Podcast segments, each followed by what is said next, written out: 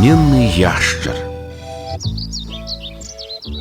Зараз вы пачуеце пра тое, як аднойчы малы і білан гулялі каля старога дома. Стары дом стаяў на падмурку з камянёў, там яны і гулялі разам. Глядзі, білан, сказаў малы, бачу, сказала білан. Мама, паглядзі, адзін камень боўтаецца, сказаў малы, можа паспрабаваць расхістаць яго. Малы з білан расхісталі камень і выцягнулі яго з падмурка. На яго месцы была дзірка і больш нічога. Малы засунуў туды руку і намацаў нешта. Ён адразу ж сціх, там нешта ёсць унутры, прашаптаў ён. Выцягвай, зашаптала білам. А што там запыталася мама. Зараз я вам пакажу. І ён выцягнуў нешта з той чорнай дзіркі ў сцяне, штосьці, што адразу ж заблішчэла на сонцы. Маленькая скрынька, закрычала білан, з накрыўкай сказаў малы, Это ж старая табакерка здзівілася мама, якая прыгожая табакерка сказала білан, цікава, ці застаўся там тытунь, запытаўся малы. А мне цікава, ці сапраўднае гэтае срэбра, пацікавілася мама. Накрыўка лёгка адчынілася. Апчхі! малы чыхнуў. Там ёсць тытунь унутры, сказала білан і таксама чыхнула: гэта срэбная табакерка. З тытунем дадаў малы і зноў чыхнуў, якая цудоўная. Хутчэй за ўсё яе забыўся хтосьці, хто будаваў стары дом, сказала мама. Тады яна, напэўна, ляжыць тут шмат-шмат гадоў. У мяне ёсць выдатная палічка дома, сказала Білан. Табакерка можа паляжаць там. Але ж яна не твая. Малы быў супраць. Але яна можа проста стаяць там, сказала Білан.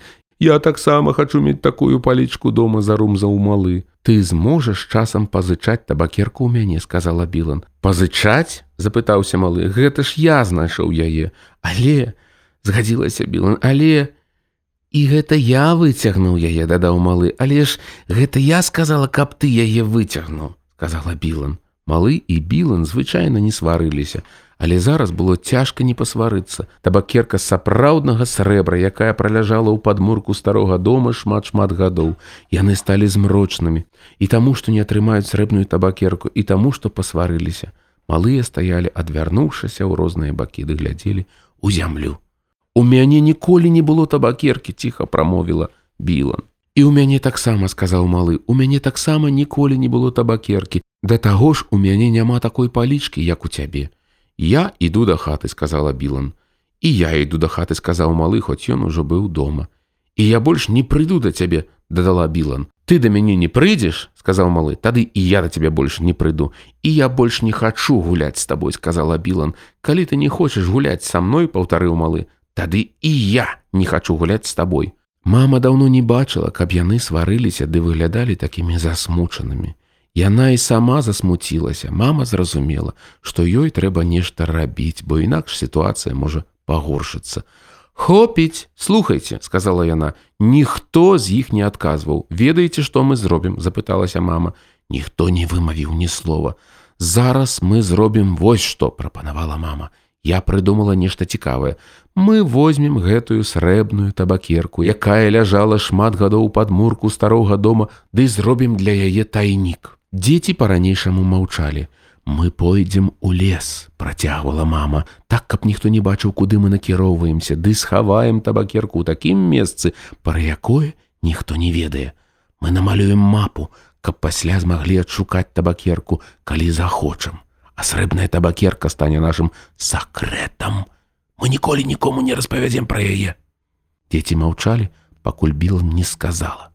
Было б цудоўна, я мяркую, так сказала яна ціха тады малы паглядзеў на срэбную табакерку а потым на білан это будзе самая лепшая таямніца якая ў нас ёсць у нас з табой білан сказаў ён яны ўзялі срэбную табакерку і пракраліся ў хату яны загарнулі яе ў кавалак тканіны потым узялі паперу ды алоўкі каб намаляваць мапу Ніхто не бачыў, куды яны пайшлі.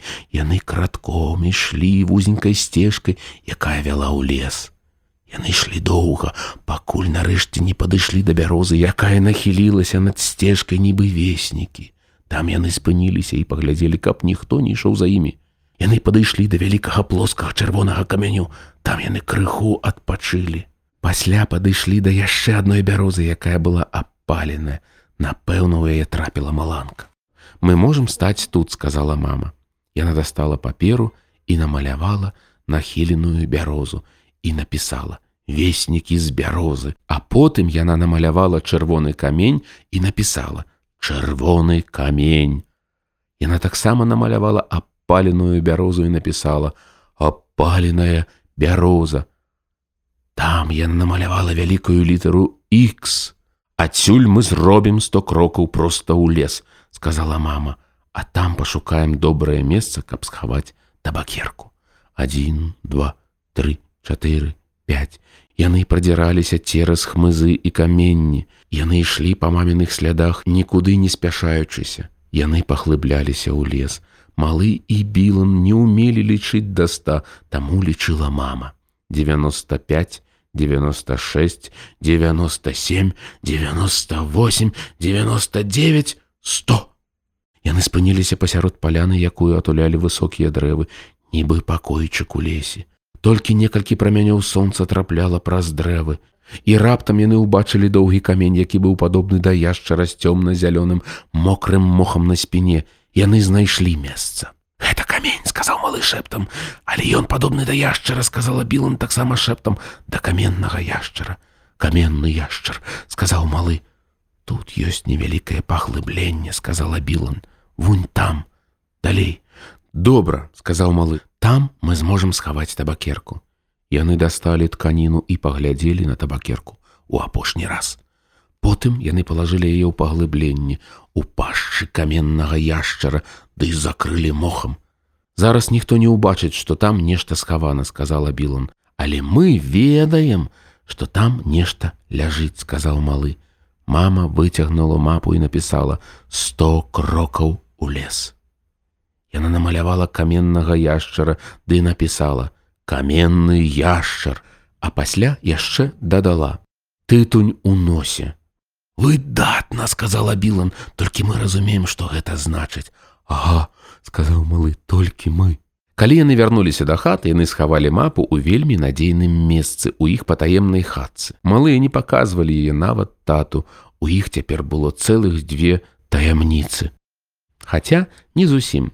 Увечары, калі малы пайшоў спаць, ён адразу ж распавёў усё мядзведзіку. Ён шапнуў яму на одно вуха: срэбная табакерка а потым на другое каменны яшчар. Потым яны леглі ў ложак і абодва выглядалі вельмі загадкавымі і малы і мядзведзік.